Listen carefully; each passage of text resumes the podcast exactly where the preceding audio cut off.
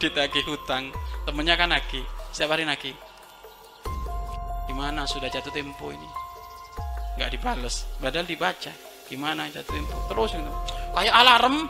Hmm. kayak alarm. Harusnya nggak terima kasih.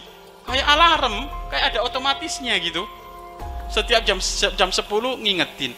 Orang kalau ngingetin utang itu hendaknya bersyukur bersyukur ya, jangan sampai mati punya hu, hutang. Mati punya hutang kamu terkatung-katung nanti. Rohmu itu nggak langsung nyampe kepada Allah. Bahkan baginda Nabi Muhammad Shallallahu Alaihi Wasallam tidak mau menyolati jenazah yang masih punya hutang. Nggak mau disolati oleh Rasulullah. Kata Nabi Muhammad tolong ada yang melunasi nanti aku menyolati.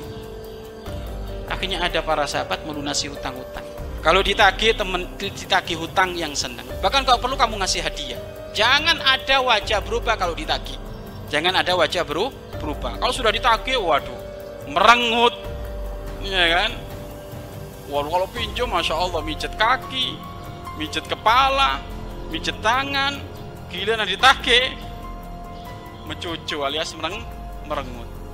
Jangan ya jangan biasa utang